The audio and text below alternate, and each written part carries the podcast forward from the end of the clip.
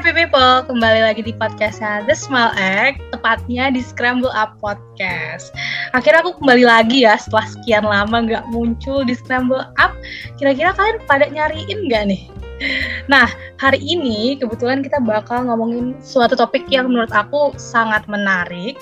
Pun aku juga nggak sendirian. Di podcast episode 50 ini kita kedatangan guest siapa nih kira-kira? Langsung aja kita panggil nih Halo Viola, apa kabar? Halo Syafiah Aurin. Baik, Alhamdulillah. Kamu gimana? Aku juga baik. Kebetulan kita lumayan sedang sering ketemu ya, Viola iya. ya. Iya, iya ya. Boleh, kenalin diri, Vi. Mungkin dari nama, institusi, dan sekarang lagi sibuk ngapain nih? Oke, halo teman-teman. Kenalin, ini ngomongnya aku sama gue, apa gue nih, Vi? Boleh, bebas, bebas. Oke, halo kenalin guys. Nama gue Viola Maulida. Biasanya dipanggil Vi. Sama kayak Via dari Institut Teknologi Bandung. Jurusannya Manajemen Rekayasa. Gue baru tahun kedua nih, baru beres TPB, Alhamdulillah. Nah, kalau sibuk apa? Um, sekarang sih lagi sibuk acara di fakultas, sama yang di luar ITB tuh gue semacam bikin organisasi namanya The Study Friend dan juga lagi ngerintis cabangnya Generation Girl namanya Generation Girl Bandung. Nah, itu tuh organisasi uh, yang fokusnya itu untuk ngekampanyekan lebih banyak perempuan di bidang STEM. Waduh, keren banget. Oke, jadi hari ini kita mau ngapain sih? Yes, kita mau lebih tepatnya aku sih ya, Happy People. By the way, kita tuh manggil pendengar kita happy people nih, Fai. Ini gemes amat. Nah, aku mau nanya-nanya gitu sekaligus berbincang ria ya sama Viola mengenai suatu topik yang tadi udah sempet Fai singgung gitu. Nah, yaitu tentang STEM. STEM sendiri itu singkatan dari Science, Technology, Engineering, and Mathematics ya. Jadi intinya kita mau ngobrolin hmm, mungkin lebih ke posisi gitu, posisi perempuan di bidang STEM ini. Nah, mungkin kita bahas dulu dari asal-usul istilahnya kali ya, Fai. Oke, lang langsung aja nih ke topiknya. Menurut lo, kenapa sih ada istilah woman in STEM? Mungkin bisa dikasih tahu ke happy people asal muasal orang-orang nih mulai ngeh dengan adanya woman in STEM. Uh, uh, uh. Oke, jadi uh, kenapa orang ngebikin istilah STEM itu karena itu suatu rumpun yang berkaitan uh, jadi STEM itu kan uh, intinya mah ya IPA-IPA gitu lah kok uh, orang awam ngelihatnya kan. Nah, ya benar. Nah, itu tuh Science, Technology, Engineering, and Math. Nah, kenapa ada singkatan, eh ada sebutan namanya Women in STEM itu karena um, rumpun keilmuan ini tuh biasanya didominasiin sama laki-laki nih, happy people. Nah, jadi orang-orang uh, orang -orang tuh kalau ngemikir ilmuwan, kalau ngemikir engineer, itu tuh pasti kepikirannya tuh laki-laki kan. Eh, nah, makanya eh, orang-orang yang eh, perempuan yang bergerak di bidang STEM ini uh, apa kita punya istilahnya tuh woman in STEM. Biar lebih banyak orang-orang pengen jadi woman in STEM juga gitu. Oke, berarti emang karena emang asalnya tuh dikit ya um, perempuan-perempuan yang terjun di bidang ini. Nah sebenarnya kalau kita ngomongin bidang STEM ini emang udah umum banget sih sebetulnya kalau ada stereotype bahwa pelajaran, jurusan, sampai pekerjaan di bidang STEM, mungkin khususnya gue lebih banyak denger di bidang engineer sama mathematics, itu adalah tanda kutip gitu, punyanya laki-laki.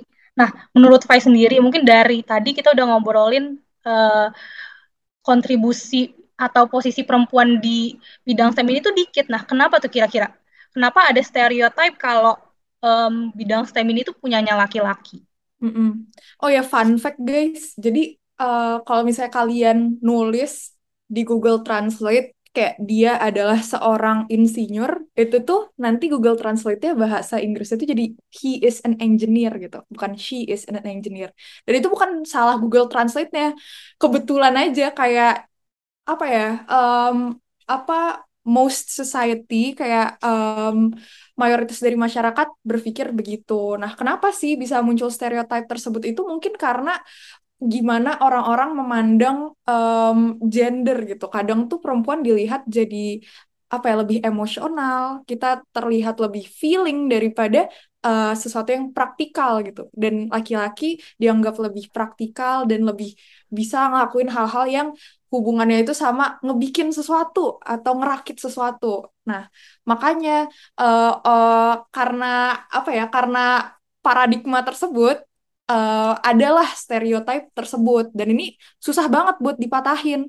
Jadi sebenarnya tuh perempuan juga punya kapabilitas yang sama dan laki-laki juga punya kapabilitas yang sama kayak kita, kayak mereka juga punya emosi, mereka juga uh, bisa jadi apa ya orang-orang yang lembut kayak gitu. Nah, jadi ayo kita coba patahkan stereotip tersebut, guys.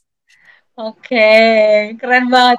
Bener banget itu mungkin muncul dari konstruksi konstruksi masyarakat yang udah dibuat kali ya sejak dulu. Padahal gue juga sebenarnya punya pernah baca sebenarnya um, cewek sama cowok tuh nggak ada perbedaan di otak gitu loh. Kayak misalnya cewek lebih lebih nggak bisa matematika atau cowok tuh lebih kalau cenderung logik. Itu tuh sebenarnya katanya nggak ada sih kalau dari berdasarkan um, dari otak kita ya ditinjau, ditinjau dari otak kita. Oke, hmm. mungkin ada hubungannya juga nggak sih sama karena stereotip ter tersebut juga kadang jadi bikin kepercayaan diri cewek tuh menurun gitu ya? Ya, nih, nih, ini uh, topik yang sangat menarik. Jadi kadang tuh ada kata kayak gini, when when men trying to lead, they are seen as strategic, they are seen as in control. But when women are trying to lead, we are seen as bossy gitu. Nah, kayak apa ya? Kayak cultural apa bukan cultural, kayak pola pikir yang kayak gitu tuh udah terjadi banyak banget di masyarakat gitu loh. Vi, lu nyadar gak sih, Vi? Nyadar, nyadar, nyadar. Makanya cewek pun kalau apa ya berusaha memimpin kadang lebih pressure lebih berat juga kan. Bener, kayak kita tuh harus jauh go extra miles, harus tuh jauh lebih kayak wah effortnya tuh tinggi banget buat kita oh, bisa di uh, dianggap gitu loh. Eh, gue mau ngasih tau fun fact lagi boleh gak? Boleh banget dong. Enggak, gue kayak, wow seneng banget ngomongin ini. Lu tahu gak sih perusahaan namanya Teranos? Jadi ada uh, perusahaannya Teranos ini yang bikin tuh namanya Elizabeth Holmes. Walaupun di akhirnya ini perusahaan itu ternyata scam, ini perusahaan itu ternyata um, apa ya? Ternyata nggak benar, tapi uh, kita tuh bisa ngelihat satu nih dari si Elizabeth Holmes-nya. Dia tuh pengen banget uh, apa ya rasanya tuh di di dipandang kalau dia itu bos gitu. Nah, caranya adalah dia merubah diri dia, suara dia itu cara dia ngomong itu di diberatin gitu. Jadi waktu ah. meeting orang-orang itu lebih nganggep dia tuh lebih apa ya? Kalau suara gue lebih berat, gue dianggap lebih serius gitu. Wah. Terus dia tuh make bajunya, make bajunya tuh kayak mirip-miripin Steve Jobs. Pokoknya uh, mencoba untuk apa ya uh, benar-benar ngerubah kayak feminitas biar enggak kelihatan feminin karena uh, biar diterima dan kelihatan lebih serius oleh masyarakat gitu Vi. Mungkin juga hubungannya ke feminitas itu enggak sih kayak hmm, ini agak sedikit uh, agak keluar-keluar gitu, agak sedikit hmm. jauh tapi emang sejujurnya feminitas tuh dipandang lebih apa ya di bawah nggak sih dibanding maskulinitas. Hmm. Hmm, kadang konstruksi sosial kayak gitu sih. Nah, iya itu yang harus kita ubah, guys. Yes, bener banget. Sudah 2022 ya. Ya udah udah kuno bet lah kalau lu mengkotak-kotakan gender. Oke, ngomongin soal woman in STEM lagi.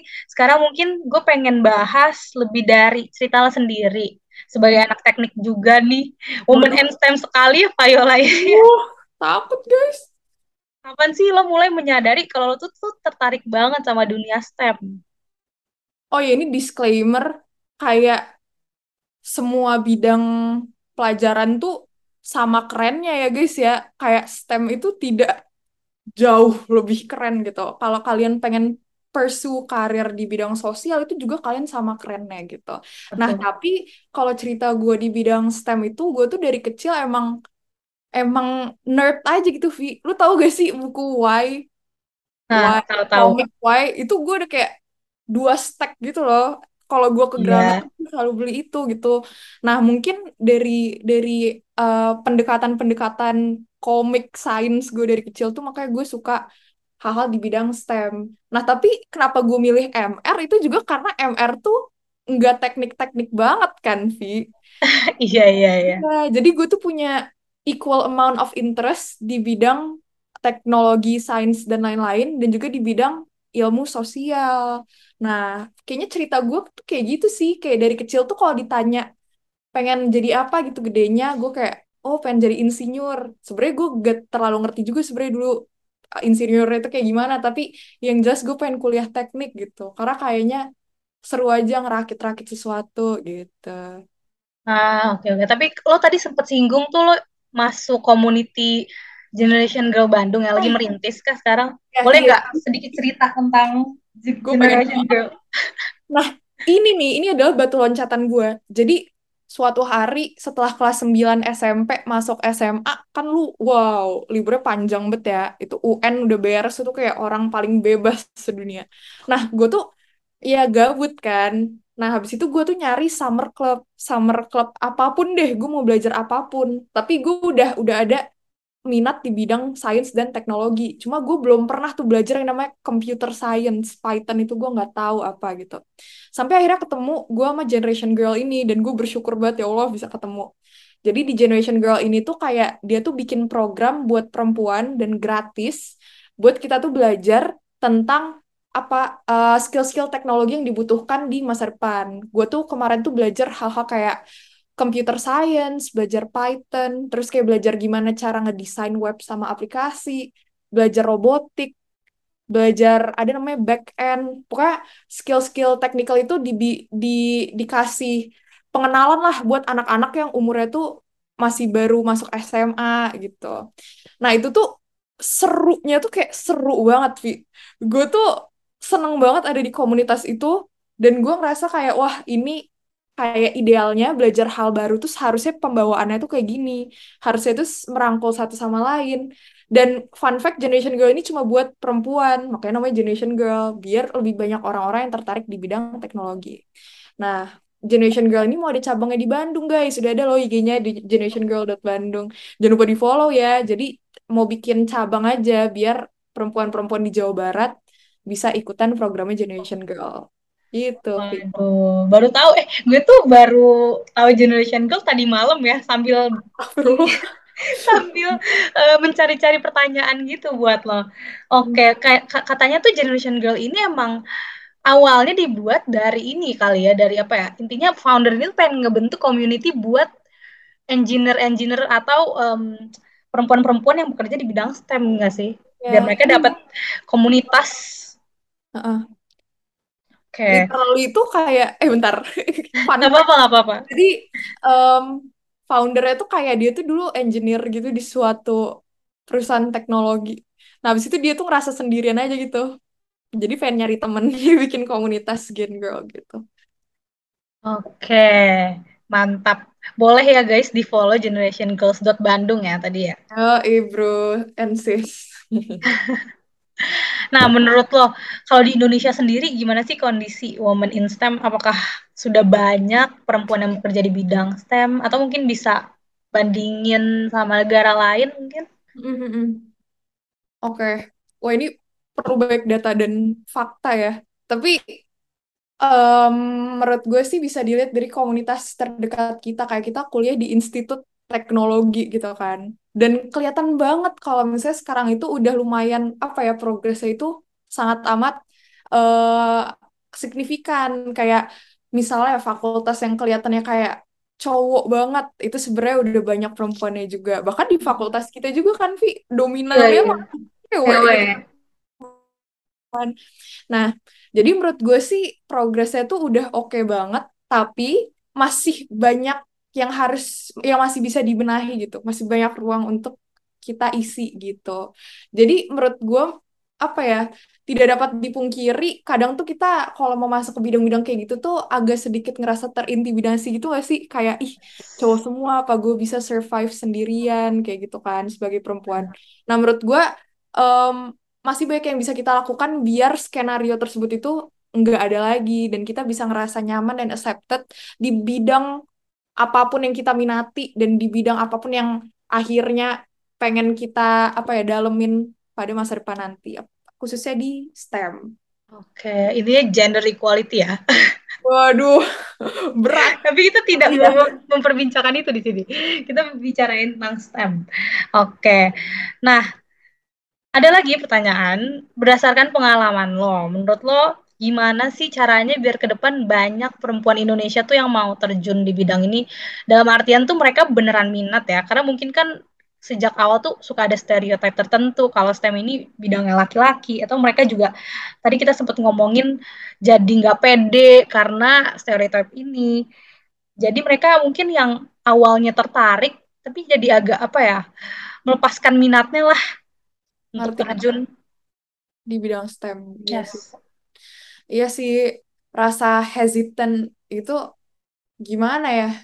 Emang sulit untuk diubah, tapi menurut gue tuh mulai dari hal-hal kecil aja kayak ngeliat bidang STEM itu nggak dikotakan untuk gender tertentu. Jadi waktu lu kecil, lu boleh belajar apa pun dan semuanya seimbang. Kayak eh, lu boleh belajar apa pun dan lu nge-embrace eh, rasa ingin tahu lu. Menurut gue itu salah satu hal terkecil yang em, orang-orang bisa lakukan.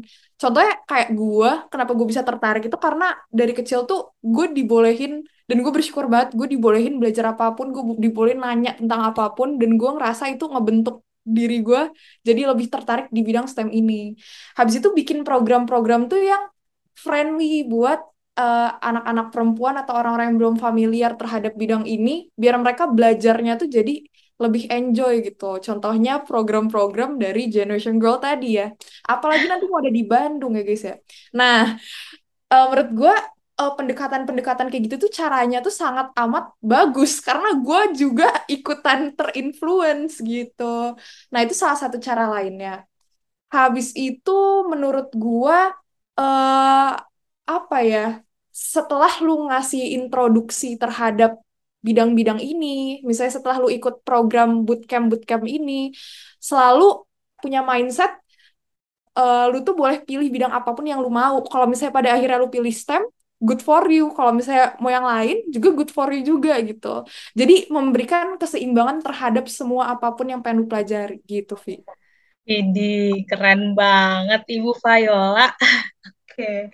Nah, karena udah panjang banget, mungkin kita tadi sedikit disimpulin ya. Dari tadi tuh kita udah ngomongin banyak soal bidang STEM. Nah, STEM sendiri ini sebenarnya singkatan dari tadi Science, Technology, Engineering, and Mathematics. Sebenarnya kenapa sih gue pengen ngomongin ini? Karena karena gue juga em, kuliah di bidang STEM dan emang Viola ini ya kemarin kita berbincang-bincang ternyata Viola ini tertarik dengan bidang STEM. Terus gue kayak Iya, hmm tertarik juga nih.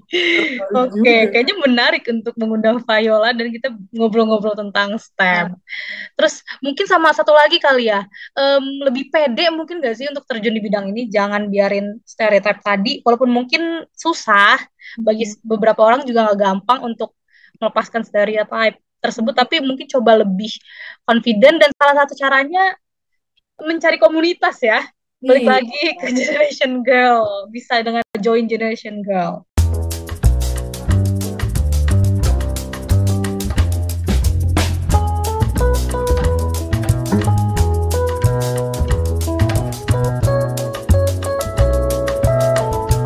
Nah, karena udah panjang banget nih obrolan kita dari tadi, Fai, dan pertanyaan tadi sayangnya udah jadi pertanyaan terakhir di episode kali ini. Waduh.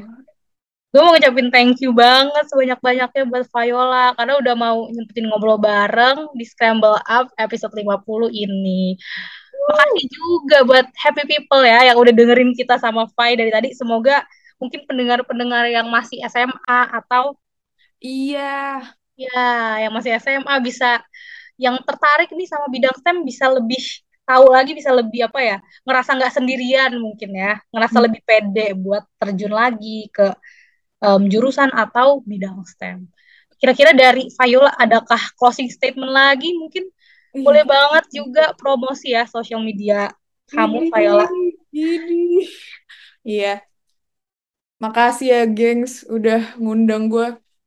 Jujur kaget ya, tapi seru banget ternyata ya, Vi. Gue tuh kayak gue ngomongin itu berapi-api gitu loh, kayak oh Iya, iya, oh iya. gitu loh. Gue seneng ngomonginnya, jadi eh, seru percakapannya. Terus pesan gue palingan ya, lu jangan membatasi diri lu terhadap apa yang lu kepoin. lu bahasanya tuh embrace aja kalau lu kepo Yes. sesuatu ya udah lu cari tahu itu sebenarnya apa. Dan eh, kalau misalnya kamu suka bidang STEM tadi why not go for it? Udah ada Via dan Viola. Kita Yes. akan membantu kalian. Iya kalian gak bakal sendiri kok. Nah boleh ya promosi sosial media dikit ya kalau misalnya kalian pengen kontak sama gue eh, IG gue. Payu Maulida terus lu boleh loh follow namanya The Study Friend dan Generation Girl dot Bandung ditunggu ya guys Di follow ya guys. Oke, jangan lupa juga buat happy people dengerin episode kita yang lain dari Scramble Up. Walaupun mungkin kalian kurang tertarik ya sama topiknya, tapi dijamin nggak bakal nyesel karena hostnya juga seru-seru dan isinya keren-keren.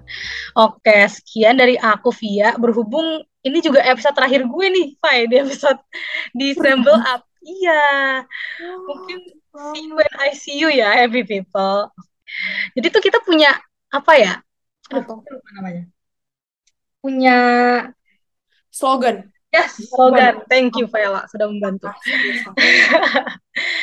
Jadi slogannya itu gue mau men-challenge lo kita ngomong gue dulu yang ngomong baru lo yang ngomong ya. oke Oke. Jadi slogannya The Smile X, Smile on it, inform from it. Tiga, dua, satu. The smile egg, smile on it, inform from it. Woo! Yeay, keren. Oke. Sampai ketemu ya, happy people.